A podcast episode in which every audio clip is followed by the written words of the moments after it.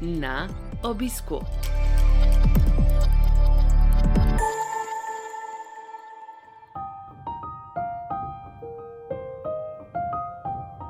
Dobrodošli v novi epizodi serije podkastov na obisku, ki nastaja v produkciji Slovenskega združenja bolnikov z limfomom in leukemijo.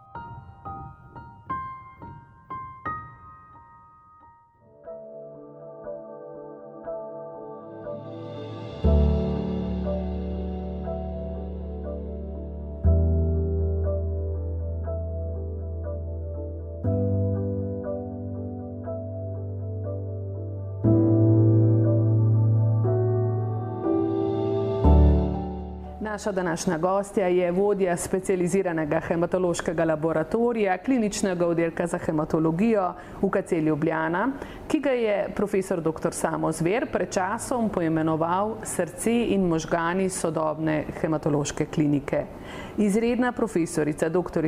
Helena Podgornik je diplomirala na fakulteti za kemijo in kemijsko tehnologijo v Ljubljani, pa potem nadaljevala po diplomski študij z področja biokemije, kjer je magistrirala in doktorirala ter kasneje z področja medicinske biokemije in laboratorijske medicinske genetike še specializirala. No, na kliničnem oddelku za hematologijo v Ljubljani je zaposlena že 20 leti, od leta 2008 pa vodi specializirani hematološki laboratorij. Raziskovalno in pedagoško se ukvarja s področjem hematonkologije in laboratorijske diagnostike v hematologiji. Doktorica Helena Podgornik, lepo pozdravljeni. Ja, dober dan. Ker dolg uvod je to bil, razgibana je ta vaša karijera. Ja, v bistvu mogoče uh, pred tistim letom, ne 20 leti uh, nazaj, ne, je predtem še 10 let um, dela na področju biotehnologije. Jaz sem prišla iz čisto drugega področja. področju Kemijskega, ne? Ja, tako, ne, to, to je bilo interdisciplinarno, pač kar je biotehnologija oziroma pač področje bioremediacije, kar je danes sploh popularno. Uh, tako da sem povsem zamenjala področje ja, po desetih letih svojega, svojega dela, tako da je bila to zelo taka dramatična odločitev takrat prekiniti na novo in začeti na novo. Uh, predtem sem bila na fakulteti, ja, tako da asistentka. Da... Preden greva k dramatičnim ja. odločitvam, ja. vaše delo jih je zagotovo vse polno.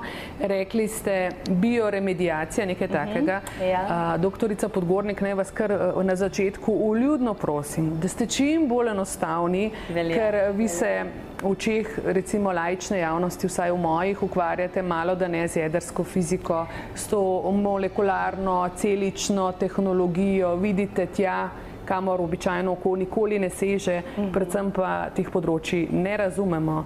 Medicina se tako hitro razvija, da še tisto, kar o tem preberemo, eh, danes ni več aktualno, če smo ja. brali včeraj. Povejte mi, rekli ste, 20 let je tega, ko ste in še nekaj več sprejemali eno tako dramatično odločitev v svojem življenju, šli ste uh, na novo področje.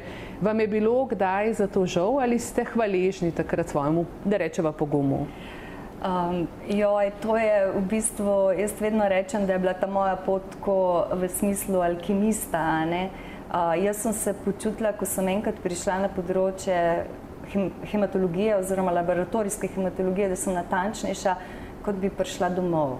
Kot da me je celo življenje sem vodilo preko zelo nekih uh, stranskih poti, uh, ampak uh, ko sem se odločala za študij, v tistih časih seveda interdisciplinarnih študijev biokemije, mikrobiologije, niti genetike, celične biologije, tega ni bilo. Um, tako da seveda smo študirali take klasične predmete, kemija, biologija in tako naprej. Um, ampak tista izvorna želja pri mojih 18 letih je bila genetika. Uh, bolj natančno citogenetika, pa niti vedela nisem, da je to pravzaprav to področje. Uh, in uh, ko je prejšnji predstojnik, profesor Črnilič, pravzaprav mi povedal na razgovoru za službo, kaj pravzaprav iščejo, zakaj iščejo človeka, uh, je bilo se meni tako kar vesolje odprlo in se mi zdelo, da res uh, je to to, kamor me je pripeljalo. Tako da ne, niti en dan v življenju tega nisem obžalovala. Zahtevalo je veliko od mene takrat ta menjava uh, stopiti iz nekega cone obdobja in začeti na novo, ni tako lahko, ko si star pač 35 let, če tako rečem. Ampak um, ja, ni bilo dneva, ko bi obžalovala to svojo odločitev. Povejte nam, kaj je takrat profesor Črnilč dejal, kaj potrebujejo, kaj v resnici vi v vašem laboratoriju počnete? Ja, jaz, mene so takrat dejansko zaposlili z namenom, da vzpostavim laboratorij za citogenetiko. V tistem času sestavljali, so sestavljali laboratorij štirje podlaboratoriji, če tako rečem, ki jih imamo seveda tudi še danes. To je um, hemostaza, potem pa citologija, pretočna citometrija in pa molekularna genetika, ki je takrat bila tudi še zelo v povojih. Medtem ko citogenetike pa na hematologiji še ni bilo in to je, bila, to je bil pravzaprav osnovni namen moje zaposlitve, no, ko sem prišla. Tako da ta laboratorij je potem tudi bil vzpostavljen in tudi še danes imamo teh pet laboratorijev s tem, da vzpostavljamo v tem trenutku tudi šestega, ki je celični laboratorij. Tako, o tem ogromno poslušamo. Uh, kako bi razložili, kaj je citogenetika v dveh stavkih, tako da lahko razume vsak to? Uh, torej, to je proučevanje kromosomov. Zelo preprosto. Kromosomi vsi vemo, si predstavljamo tisti X-ane. Uh, Eh, zdaj mi pa seveda jih proučujemo tako, kar se tiče njihovega delovanja, kot njihove strukture, predvsem pa seveda v kontekstu krvnih bolezni, njihovih napak, če tako rečemo, oziroma sprememb, ki nastanejo. Mhm. Je s tem povezano to mnenje, da je vaš specializirani hematološki laboratorij, ki ste ga vzpostavili, da velja za srce in možgane hematološke klinike? Ja, zdaj, eh, ko govorimo o tem lepem izrazu srce in možgani, bi mogoče začela z možgani, ne s tem eh, bolj racionalnim vidikom. Zakaj, zakaj je to tako opisano? Torej, Uh, treba je realno vedeti, da praktično povsod v svetu je hematologija tista, kjer je povezava med laboratorijem in pa kliniko zelo močna, verjetno na področju medicine najmočnejša. Torej, hematologija brez laboratorijskih preiskav pač ne moreš delati, zelo preprosto. Uh, in seveda, če to želiš in pri silovitem razvoju na tem področju, je potrebno to laboratorijsko dejavnost zelo močno zasnovati. Uh, in jo tudi podpreti. Če sem zelo konkretna, danes imamo v našem laboratoriju zaposlene štiri doktorje znanosti, štiri specialiste, uh, od skupaj 30 ljudi jih ima, imajo praktično razen ene sodelovke starejše vsi univerzitetne izobrazbe. Torej, če pogledamo že samo strukturo kadra, ki tukaj dela, je zelo visoka.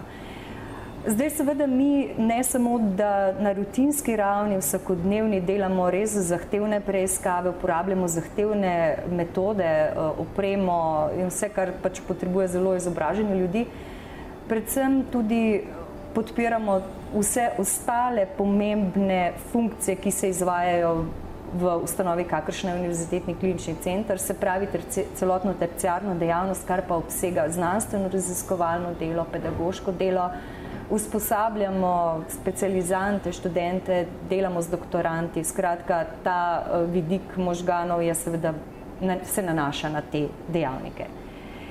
Zdaj, kar se tiče pa srca, ne, pa mislim, da in tega sem zelo vesela, no, da je tudi zraven, ker seveda, če govorimo o tem delu intelektualnega doprinosa, zato smo tukaj. Uh, kar se tiče pa srca, je pa tako, ne, da uh, mislim, da smo laboratorijsko osebje pač ena od tistih uh, delov zdravstva, ki je neviden v ozadju in za katerega verjetno zelo veliko ljudi niti ne ve, da obstaja in da je ključen pravzaprav pri tem, da vse stvari sploh funkcionirajo. Vemo, vemo, ko čakamo kakšne izvide s tako nestrpnostjo. Pa takrat veste za nas, kada reče, uf, to je bila pa laboratorijska napaka ali pa v laboratoriju vse stoji, a ne drugače pa takrat, ko vse gre po navadi, ne, a ne, kadar je vse prav. Uh, jaz lahko rečem, da je v bistvu tukaj, a ne ravno na hematologiji, zaradi te tesne povezave med kliniko in laboratorijem, zelo, zelo jasno tudi vsem, ki smo v laboratoriju, kako zelo za vsako je projekto stoji človek. In zato res od naših ljudi to tudi seveda pričakujemo In oni to dobro vejo, ne, da vsak korak je narejen, vsaka preiskava, ki se izvaja, vse, kar delamo, delamo zato, ker je od zadaj nekdo svojo zgodbo, ki je običajno težka. Uh, in seveda uh, mislim, ne, da to tako prejšnji predstojnik, predvsem pa zdajšnji, zelo, zelo dobro vejo, ne, da tukaj v laboratoriju imajo ekipo ljudi, ki ne delajo tega pač po nekem avtomatizmu, ampak ekipo ljudi, ki dela to s srcem. No, tako. Tako. Povejte nam, profesorica, doktorica Helena Podgornik, Zdaj, laboratorijsko delo, ko sem danes prišla k vam, čeprav ste vi pri nas na obisku, se hecam v podkastu, eh, je to cela mala tovarna laboratorijska, kot je možno videti skozi steklo.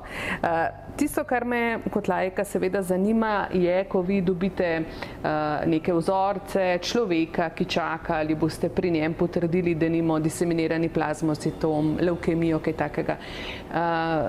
Težkega, kot pravite, težke zgodbe so pri vašem delu, koliko je, ko opravite vse te preiskave z vsemi temi vašimi aparati in tako naprej, eh, stvar neke subjektivne presoje tega strokovnjaka, ki to počne in v kolikšni meri je to v osnovi tak tehničen proces. Mhm.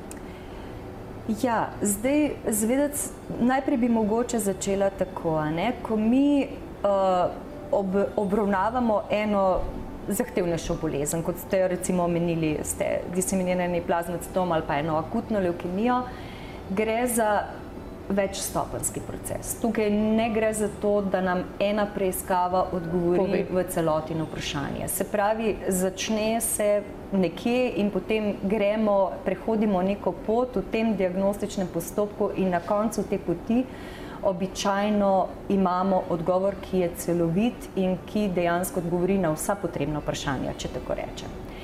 Uh, in ti koraki, če bi se na vaše uh, vprašanje osredotočila, so nekateri precej objektivni, merljivi, seveda, nekateri pa podvrženi bolj subjektivni presoji. Tisto, kar absolutno želimo v laboratorijih vedno doseči, je, da so naši rezultati maksimalno objektivni in da so čim manj podvrženi subjektivni presoji, vendar seveda tega ne moremo v celoti izločiti. Ko uh, pogledamo skozi mikroskop, kar je še vedno ena zelo ključna, temeljna preiskava, je vedno tam človek, ki gleda v mikroskop. In celo se izkaže, ne, da ko gre za resne bolezni, noben, tudi umetna inteligenca še trenutno ne more ne, dosegati tega, kar nek izkušen človek lahko pove. Uh, po drugi strani, ko analiziramo kromosome, je ista zgodba. Tukaj so subjektivne presoje. Zdaj, seveda, pa imamo ogromno enih točk preverjanj, s katerimi mi zagotavljamo, da je ta vpliv subjektivne presoje nikakor ne more če bi rekla temu zgrešiti, da bi se tukaj zgodila velika pomota. Tako da to je pravzaprav naša temeljna mhm. naloga, da izključimo, da bi zaradi subjektivne presoje prišlo do napak. Seveda pa je, ne? koliko hitro nekdo dela, kako natančno dela, kako dobro dela. Lahko si predstavljate, da nekdo, ki 30 let gleda v mikroskop, vidi drugače in hitreje bolje presoja, kot pa nekdo, ki je pol leta pri nas. To se razume. Ampak gotovo pa naredimo vse, da minimiziramo vse mogoče, a ne te subjektivne vplive, koliko je pač mogoče. Mm. Spomnim se, kakšnega pol leta nazaj je profesor Zver na eni novinarski konferenci prav z eno žalostjo se ozrl uh, k dejstvu, da je šla ena vaša kolegica v pokoj takrat, ja. zdaj na pamet govorim 30-40 let je delala, tukaj je rekel, ona je znala iz preprostega vzorca povedati tisto, česar po, tudi v kliniki recimo potem niso ali pa bi mhm. rabili več časa, da bi mhm. prepoznali. Sprašujem, kako pomembna je intuicija pri vašem delu. Pravite, vse se večkrat preverja objektivno in mhm. tako, ampak tista vaša radovednost, ena slutna, da je treba še to pogledati, še to uženiti s tem in tako naprej. Kako ja, je to ja, važno? Ja, zelo, zelo zanimivo vprašanje in tudi zelo um, zelo pomembno v bistvu. Ja, jaz mislim, da predvsem s časoma, ne, ko dobiš en tiste izkušnje, ne pustimo tisto začetno uvajanje, ko človeka uh, pripelješ na tisto raven, da je lahko samostojen, da začne delati. To, to mora biti zelo precizno definirano, da ga ne učiš tiste ABC, ne pa poštevanka je vedno potrebna, ne, da jo znamo. Tam najbolj zoporen del, ne? Tako, tako in nikomor ponavadi ne ljupa, ne.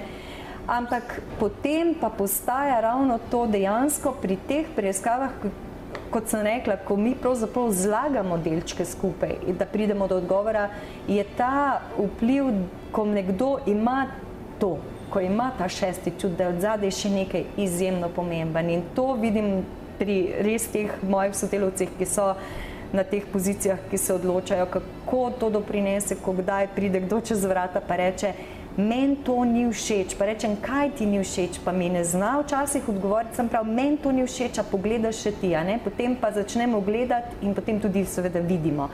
Uh, gotovo. In to, to, sej, ne, se to se ve, da tudi možgani tako delujejo. Ko nekaj pravzaprav povežejo, pa mi še ne vemo, kaj so povezali, takrat se nam sprožijo ti občutki, ne, da nekaj pa je. In je temu treba prisluhniti, in je to, to treba zelo resno vzeti in se vsesti in pogledati. Ne. Tako da, absolutno zelo pomembno. In um, mi smo seveda pretežno ženski kolektiv. In moram reči, da mislim, da tukaj tudi je ta moč te ženske intuicije, ko, ko kar ne moreš, ne, pa si vzameš čas, pa še sediš, pa še enkrat greš, pa še enkrat preveriš in potem se velikrat izkaže, da je nekaj bilo ne, tam od zadaj. Tako da absolutno to ni zanemarljiva stvar, tudi ko probaš čisto vse objektivizirati, vse zapisati, popisati, kar zahteva kakovost, pa tukaj ostane še tist, vse tisto, kar ni moč ubesediti, pa ključno doprinese. Ključno. Uh mhm. -huh. Rekli ste, eh, pri nas smo večinoma ženske, se, tako se mi zdi verjetno, da v številnih laboratorijih drži recimo ja. ta formula. Zakaj? Zakaj žensko ali pa večinoma ženski spol zanima a, ta laboratorijska diagnostika, laboratorijska medicina? A, gre za eno vajo, ki ni tako na očeh, ne, ne žanje velike slave, je v ozadju trdo dela, kot pravim, tovarna mravlišče. Uh, zakaj so tukaj ženske večinoma?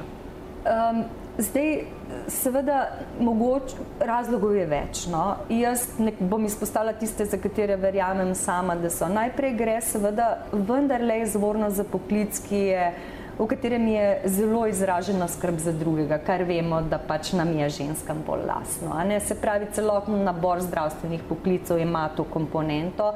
Tudi to, da ni tako izpostavljen na očeh javnosti, je pravzaprav bolj ženska komponenta, ne ta ni toliko te slepo moči, če tako rečem, kar je mogoče bolj na drugi strani.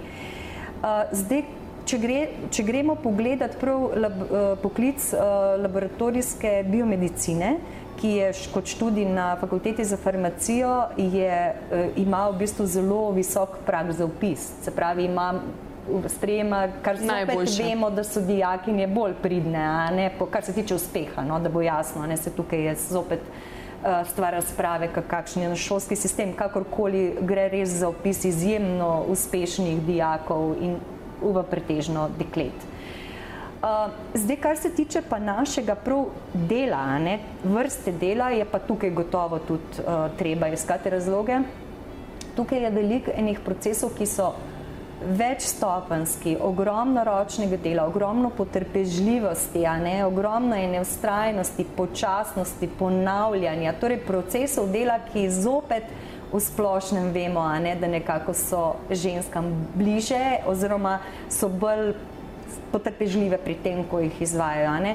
Če gremo gledati, ne vem, kot ti analiziraš 20 um, metafaz, kot mi temu rečemo, nek kromosomov pri enem bolniku, to je ogromno ene analize enih črtic ali pa celic pod mikroskopom, resnično eno drobnjakarsko delo, korakec po korakcu, ki Uh, pač po mojih izkušnjah, pa ne bom rekla, seveda imamo tudi fante, ki se odlično obnesejo, ampak v veliki večini so pa tudi kleta. Ja. Uh -huh. Kaj pa eh, to pomeni za drugo stran, torej za tisto drugo eh, za stran, ki jo gledate skozi mikroskop, za tega bolnika? Zakaj so vaši izsledki tako pomembni za njega? Ker že zdavnej več ne zgolj zato, da postavite diagnozo seveda moramo tukaj vendar ločiti. Ne? Imamo tudi nekatere preproste preiskave, ampak tisto, mi smo le specializirani laboratorij, kjer delamo precej kompleksno obravnavo to diagnostično bolnikov ne, z različnimi boleznimi. Uh, kot sem že omenila, ne, mi sestavljamo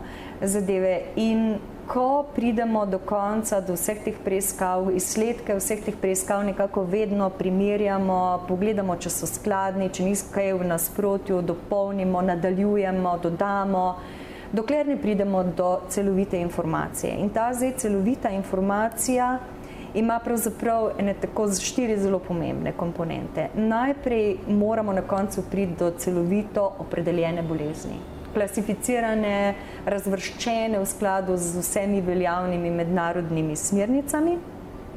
In ko pridemo do tega, imamo pravzaprav tudi že odgovor, ima zdravnik odgovor, kakšno je najustreznejše zdravljenje za tega bolnika in sicer z več zopet vidikov.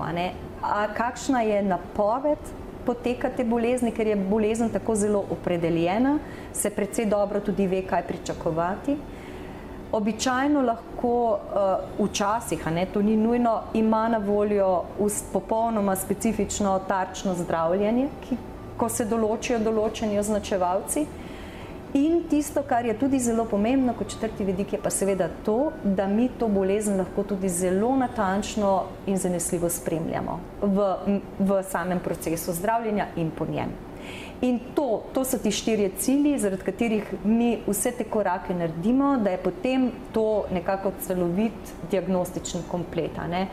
Tako da um, jaz bi samo mogoče to na začetku rekla, kaj, je, kaj se meni zdi tako zelo pomembno. Ko mi začnemo s tem procesom, ne, je v hematologiji običajno tisti prvi korak krvna slika, največkrat. največkrat. In jaz res vedno rečem, da je tako zelo pomembno, da v vsakem zdravstvenem domu v Sloveniji to počnejo ljudje z vso odgovornostjo in znanjem, ki ga imajo. Ker noben bolnik ne pride najprej k nama, veste. Najprej gre vsak svojemu zdravniku in tam se lahko ustavijo stvari, tam lahko ne gre naprej, če od zadnji niso. Tako da definitivno je začetek vsake diagnostike tam mi nadaljujemo, seveda, in tudi ponavljamo stvari, ampak ni samo naše znanje ključno, je tudi znanje vseh teh naših kolegov na nižjih ravneh. Uh mhm. -huh. A je to v resnici edini specializirani hematološki laboratorij? Vemo, vi ste v terciaru, najtežji bolniki, najtežje preiskave, najkompleksnejše se godijo tukaj, v teh prostorih, v tej vaši tovarni. Ja, to pa ja, v Sloveniji smo edini, smo specializirani hematološki, se pravi, tisti, kjer je na enem mestu zbrana celotna diagnostika za vse najtežje bolnike v Sloveniji. To pa je gotovo. Ja. Mhm. Prej ste dejali, ena od teh pomembnih komponent je, da spremljate bolnikane, kako njegova bolezen um, teče, kako se obnaša, kako se odziva na zdravljenje. Zdaj verjamem, čeprav ste rekli, ta vaša diagnostični postopek je razdeljen v različne faze. Uh, Ampak si mislim, ko dobite prvič pacijenta pod svoj mikroskop, je drug odnos, ko ga dobite že, ne vem, ko se že pet let bori z neko boleznjo in tako naprej. In potem ste vi tisti prvi, ki vidite, kaj se z njim v resnici dogaja. Kako to nosite kot človek, kako se s tem soočate? Ja, to je, to je res zanimivo, no? ker eh, kot, kot ste rekli, ne, večina od nas obrazov ne pozna. Mi poznamo imena, primke, datume rojstev, zgodbe, ker zgodbam seveda sledimo, ker smo del tima vsakodnevnega raporta in tako naprej. Um, nekaj naših kolegov hodi, seveda so zraven na funkcijah, te vidijo bolnike, ampak to je manjši del. Večina pa vidimo pravzaprav samo eprujete, pa izvide pišemo. Ampak te bolniki, ki se vračajo, resnično te, ta imena primke seveda poznamo. In moram reči, uh, to, to je zanimiva istočnica, ki ste jo dali. Ko delaš za nekoga, ko veš, ko ga spremljaš, je dolgo v remisiji ali pa bolezen miruje, v glavnem ga skoraj ne vidiš več, potem pa zagledaš ponovno, pač po nekem označevalcu, da se bolezen ponovi ali kakorkoli to vedno doživimo res na neki osebni ravni. Uh, mi imamo recimo v laboratoriju opredeljeno, kdaj odreagiramo, kdaj dvignemo telefon, pokličemo zdravnika, katere vrednosti so tiste, ko moramo opozoriti, da slučajno se ne spregleda. Ampak pri takih stvareh, ko se bolezen začne pojavljati na neki majhni ravni, ko jo ravno se zopet prvič uloviš, ne bi bilo treba klicati. Ampak verjemite mi, da čisto vedno se dvigne telefon, pa pokliče zdravnika, pa reče joj to je pa pozitivno bilo, a ne kaj pa zdaj to, da se slučajno ne spregleda, da slučajno ne mine preveč časa. Uh, jaz mislim, da z vsemi temi imeni in primki smo mi na intimni ravni zelo povezani, ker zelo dobro vemo. In jaz mislim, da sem tukaj 20 let, ampak pride kakšen bolnik po desetih letih, pa slišim ime primek, pa, pa rečem, a ja, a on, tako da se mi rečejo, a ga poznaš, a pravim, ja, po imenu v Brimku, ne, tako da ja, ja, tako, tako smo zelo uh, povezani, ja. čeprav bolniki ne vejo. Dobro, prej ste rekli, pomembno je to delo, ker vi določite, opredelite bolezen od A do Ž, da poenostaviva. Uh, Meni se zdi, ko, ko poslušamo o teh boleznih, da, da jih je vedno v resnici več, vedno več različnih podtipov, tega je ogromno to je subjektiven občutek. Ja. Kaj pa eh, kažejo vaše izkušnje? Ja, zdaj eh, to bi mogoče razdelili na dve vprašanji. Ali je bolezni uh, več? Več. Pa začniva tukaj. No. Eh, gotovo je več bolezni, ki so izrazito povezane s staranjem prebivalstva. To ni nobenega dvoma. Diseminiranega plazmocitoma vidimo več, vidimo več melodisplastičnih sindromov, ampak to je eno splošno opažanje in to so tudi eh, izrazito bolezni, ki so povezane s staranjem, a ne v smislu staranja organov, če rečemo, ali pa hematopoetskega sistema. Uh, tega je več. Uh, Pred kratkim sem tudi videla podatek, da smo recimo Slovenija v vrhu incidence kronične limfatične leukemije v svetu. Nekatere bolezni res opažamo, ne, te, te, eh, to pojavnost večjo. Zdaj, kar se pa tiče večjega števila vrst bolezni, je pa gotovo tudi res ravno zaradi tega, ne, zaradi vas in vašega tako, dela. Ne, ne, tako. tako, ampak je mogoče kot ilustracija, ko sem pred 20 leti začela delati na tem področju. Je uh, ravno bila v, v, stopila v veljavo klas, prva klasifikacija Svetovne zdravstvene organizacije, ki je tri podvrste akutnih meloblastnih leukemij utemeljila na genetskih spremembah. In to je bilo to. Danes seveda je trenutno veljavna iz lanskega leta. Bi težko vam povedala, koliko podvrst je. 11 je podskupin, potem imajo pa te podskupine znotraj še podskupine glede na genetske spremembe, tako da skupno približno 95 odstotkov bolnikov opredelimo na osnovi genetskih sprememb. In seveda vsaka od teh nekako podvrst, vsaj teh 11 sklopov, je bistveno se razlikuje od druge. Uh, in to se nam seveda dogaja na drugih področjih bolezni. Takrat je bila samo mieloblastna leukemija, danes seveda je to spektr bolezni, ki je tako razdeljen. Uh, druga stvar je pa, da pred 20 leti jaz sem hiši prišla približno istočasno kot Glivek, uh, je bil, bil dostopen slovenskim bolnikom s kronično mieloično leukemijo, se pravi prvo tarčno zdravilo.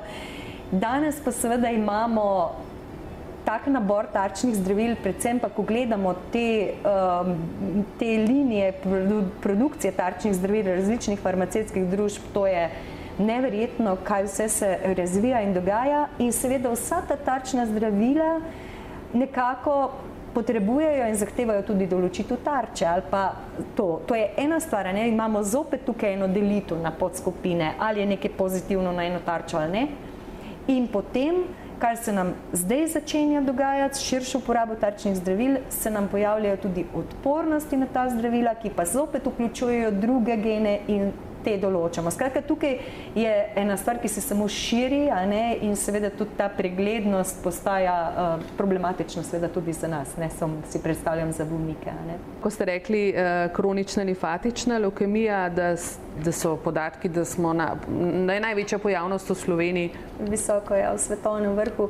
Zdaj, vse veste, kako je s temi podatki. Vedno v, pri slovenski populaciji moramo vedno vzeti v obzir, da vendarle naše številke so mehne in da se ko v nekem obdobju pride do nekih spremenjenih številk, to se kot neki deleži pokaže lahko zelo veliko, potem pa zopet pridemo v neko obdobje, pa se ne. Ampak ja, uh, slučajno so pač bilo eno raziskovalno delo zdaj ravno na področju KLL-ja, ki se zaključuje in uh, vsekakor imamo, smo proti vrhu. Ja po teh dostopnih podatkih. Je pa tudi gotovo, treba se zavedati, da imamo zelo dobro, verjetno presejane bolnike in jih uh, veliko odkrijemo. Sej to je, to je pri, ravno pri kronični limfatični leukemiji ključno, kako so mhm. ljudje pregledovani in kako pogosto se jih uh, analizira, ker predvsem v obdobju preden imajo težave. Preden se ja. razvijajo neki Tako, simptomi. simptomi ja. Rekli ste, pri 18. sem šla v smeri, vedno me je zanimala genetika. Ne? Zdaj, koliko je ta genetika uh, pomembna? Ne? Če gremo še recimo deset let nazaj, je veljalo eno tako splošno, um, oziroma splošno smo učili, da je res velika večina rak, rakavih bolezni se pravi, nastane slučajno, naključno ali pod vplivom nekega zunanjega dejavnika, ki je dobro znan, opredeljen. Uh, in da je po drugi strani dednih in družinskih rakov relativno malo. No, z vstopom uh, novih tehnologij, predvsem sekvencirane naslednje generacije, ko se je začelo rutinsko analizirati ne samo krvne rake, ampak tudi širše solidne tumorje, uh, je pa ta um, zgodba postala nekoliko drugačna, oziroma mislim, da smo ravno v obdobju, ko se zelo intenzivno ukvarjamo z njo, pa se tudi še nekaj časa bomo, kako pravzaprav pristopati. Namreč odkrit, v zadnjem obdobju je bilo odkrito res veliko mutacij v genih oziroma različic, kot jim rečejo, ki so v bistvu zarodne, se pravi, jih eh, pri, prinesemo s sabo na svet oziroma se dedujejo in ki predstavljajo določeno tveganje za nastanek rakave bolezni nekoč v življenju. Te seveda spremembe uh, imajo eno lastnost, ki se reče pač penetranca, kot se to imenuje, se pravi verjetnost, da se bo bolezen tudi potem nekoč v življenju razvila, je različna. Ne? Pri nekaterih uh, genskih mutacijah, ki so dobro poznane, ne, kot je recimo brca pri raku dojke, se kar ve, ne, da je verjetno zelo velika. Mi imamo na področju akutnih uh, leukemij uh, mutacije v genu CBPA, kot jih imenujemo, ki imajo tako rekoč 100 odstotno penetranco, se pravi, nekoč v življenju bo do tega prišlo. In imamo potem druge, ki pa nimajo take verjetnosti, se pravi, imajo nižjo, morda bo nastala bolezen, morda pa ne bo, pa je ta mutacija prisotna. Uh, zdaj, v bistvu ta spoznanja, predvsem, oziroma te najdbe, so pogosto pač del analize. Mi, včasih smo mi analizirali gene tarčno, pa iskali spremembe, danes seveda sekvenciramo paleto genov in je vedno teh ne, več teh najdb in vedno več spoznan. Uh, tukaj seveda se odpirajo številne dileme. Uh, in to so resnično, kaj pravzaprav to potegne za sabo uh, pri posamezniku, pri njegovi družini, koliko je ta informacija sploh, sploh relevantna za njega uh, in za njegovo družino, um, ali je seveda uh, smiselno obremenjevati bolnika tudi s takimi vprašanji. Na področju hematologije je pa zelo, zelo pomembno tudi vprašanje primernosti sorodnih darovalcev pri transplantaciji kostnega mozga. In zdaj vse te dileme, ki sem jih naštela, so trenutno odprte. Jaz sem veliko se o tem pogovarjala tudi s kolegi iz tujine, ker seveda gre vedno za vprašanje interpretacije v izvidih. Uh, in definitivno se vsi soočamo z istimi vprašanji in niso še popolnoma seveda rešena in so tudi veliko je še odprtih in veliko se bo verjetno zdaj v bližnjih letih to razrešilo, kako pristopati, na kakšen način zauzeta. Ne? Prihodnost zdravljenja, hematonkologije, ne? celične terapije, bispecifična proti telesa, še in še kliničnih eh, preiskav je v teku. Kam gremo? Kaj smo se naučili, vendarle smo se nekaj stvari naučili in videli, ne? kronična mieloična leukemija je pravzaprav oglaševalska bolezen z vseh stališča, ne? od čudovite zgodbe znanstvenega vidika do čudovite zgodbe z terapevtskega vidika in pravzaprav danes vemo, da polovica bolnikov na nek način ozdravi, a ne vse, kar zdaj vidimo. Verjetno bomo morali še malo počakati, ampak recimo po dolgotrajni uporabi seveda tarčnega zdravljenja. Tako da uh, gotovo upamo ne, in verjamemo, da nekatera zdravila, ki se razvijajo, in nekateri pristopi in celične terapije, genska terapija, imajo ta potencial. Um, nesmrtni ne bomo postali, v to globoko verjamem, kar pomeni, da se bomo mogli pa sprijazniti, tudi če marsikaj preživimo, pa potem z, kar smo že prej omenili, s porastom bolezni, ki so povezani s staranjem. Uh, tako da tukaj pač smo uh, ujeti v ta um, krog življenja in temu ne bomo mogli pobegniti, je pa gotovo uh, vsi ti napori in predvsem vse te nove terapije, ki so res um, fascinantne in fenomenalne način delovanja, odpirajo pač nove možnosti za preživetje bolnikom, ki so bili prej neozdravljivo bolni in seveda tukaj je treba vse delati to, da se čim bolj široko postanejo dostopne in tudi seveda, um, da jih ustrezno spremljamo. Se pravi, na tem vogalu je razlog za velik optimizem. Jaz sem v to pripričan, tudi rezultati so izjemno lepi, že ne, tisti, ki jih že poznamo, pa tudi zelo, zelo obetavni od v teh, kar, kar, smo, kar vidimo tudi zdaj na naših izobraževanjih, od tega, kar prihaja. Uh, tako da ja, odpirajo se res uh, nove opcije. Jaz zopet, če se vrnem ne, na začetek svoje poti tukaj, to, to je neverjetno, ne, pri nekaterih boleznih če naredimo to primerjavo, kaj je bilo takrat na razpolago, pravzaprav neka čisto klasična standardna kemoterapija s tistimi bazičnimi principi uh, citostatikov, ki so preprečevali zgolj seveda raznoževanje DNA, pa danes, ne seveda, ko imamo vse te druge mehanizme, ki, ki dejansko zelo ciljno delujejo na tiste poti, ki so spremenjene, ki so bistveno bolj selektivni, bistveno bolj učinkoviti, bistveno manj neželjenih stranskih učinkov ali pa takih generalnih stranskih učinkov in seveda tudi z bistveno boljšimi rezultati. Doktorica Podgornik, koliko je vaš specializirani hematološki laboratorij prototip enega vseživljenjskega učenja? Koliko se morate vi učiti teh novih reči? Ja, zdaj, najprej bom rekla tako, no, da če bi um, jaz, tako kot sem delala v eni službi, kjer bi svojo eh, življenjsko pot v celoti delala eno in isto, bi se neznansko dolgo časla. Ne. Po drugi strani pa moram priznati, ne, da ta dinamika, ki pa je na našem področju, je pa dejansko res postala izjemno zahtevna. Um, učiti se moramo ne nehno, predvsem moramo stalno biti na preži, slediti, kaj, v katero smer grejo in raziskave zdravil in razvoj metodologij, Uh, istočasno pravzaprav postavljamo neke nove metode, upeljujemo včasih vnaprej, zato ker um, pa, pa niti ne vemo, a bojo določena zdravila prišla, a bojo določene preiskave potrebne. Preprosto zato, ker ko se to zgodi, ne, ni časa. Ne, vi morate vedeti, da ena upeljava metod zahteva ogromno enega časa in, in denarja in uh, usposabljanja ljudi. In ko eno zdravilo pride, ni več časa, da boš začel s tem. Tako da tukaj je res veliko, veliko stvari, ki, so, ki potekajo usporedno in morajo potekati, potem pa seveda tudi ogromno teh stvari pride v rutinsko uporabo. Stalno se moramo učiti, učiti se moramo vsi, mi ogromno uh, enih sredstev namenjamo v izobraževanje kadrov. Uh, vsi zaposleni pri nas imajo možnost, da se dvakrat na leto nekje izobražujejo, seveda tisti, ki so više, um, ki imajo odgovornejša dela tudi v tujini, tako da to res veliko vlagamo, ker je to nujno potrebno.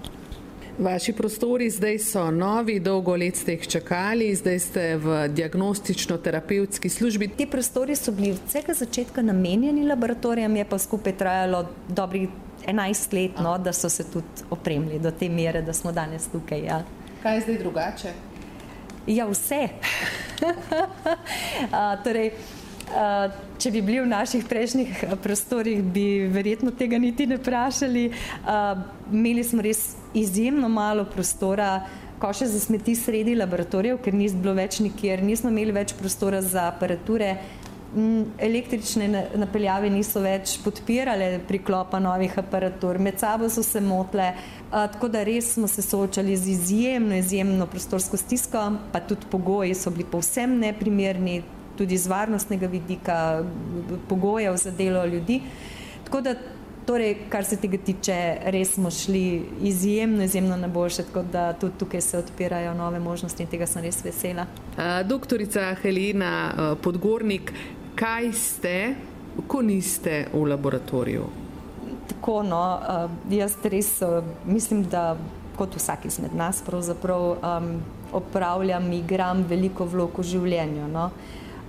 Vodja laboratorija je ena izmed njih, ampak nikoli, ne glede katero sem upravljala, ni bila na prvem mestu, nobena, ampak sem predvsem mama in žena na prvem mestu. No, Zdaj, moram reči, da um, moji tri otroci so uh, vendarle zdaj že uh, odrasli, oziroma najmlajši na pragu odraslosti, uh, kar mi dovoljuje, in me razvaja z enim razkošjem, ki ga zadnjih 20, 25 ali pa 30 let nisem imela in to je čas. No? Razpoložljiv, neprimerno več, kot ga je bilo prej. Um, no, ta čas ne, z otroki je bil vendarle izjemno dragocen, zaradi tega, ker se ni, je, gre mimo in se nikoli ne vrne in tega sem se skozi in skozi zavedala, tako da sem poskušala to res kombinirati, kolikor se je dalo. Uh, z možem sva te najne otroke v glavnem um, imela sama, ker nismo imela neke socialne mreže, tako da smo jih zelo hitro vključila vse tisto, kar naj jo res veseli, to, to je pa predvsem narava v vseh svojih uh, lepoti in oblikah, um, gibanje v njej, športi, potovanja, uh, čudenje naravnim znamenitostim, zgodovini, uh, kulturi. Uh, Tako da smo res veliko lepih trenutkov skupaj preživeli, no zdaj pa uh, mislim, da bo poleg za vse našteto čas tudi za mal več za knjige, ki jih imam zelo rada. Pa razmišljam pa tudi o tem, no, da mogoče je pa res že čas, da se začnem um, usmerjati svoje misli, ki bi lahko bila še koristna s tem razpoložljivim časom, ki ga zdaj je in ki ga prej ni bilo. Ampak moram priznati, da se mi še vedno zgodi da se sedem na kavč in sem presenečena, da lahko sedim v miru in se tega iz srca veselim. Pravzaprav, seveda, um, leta prinesejo tudi to, da malo več časa rabiš zase in meni je in mir, in tišina, in vrtnarjenje tudi že pri srcu, sem že tam. No, krasni hobi, vse dobro, čim več časa v zasebnem življenju, čim več uspehov v, vašem, v vaši karieri, v poklicnem življenju in vse dobro, profesorica dr. Helena Podgornik. Hvala tudi vam.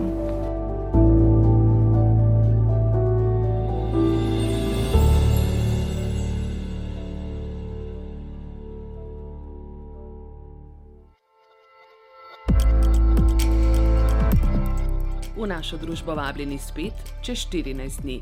Naslišanje.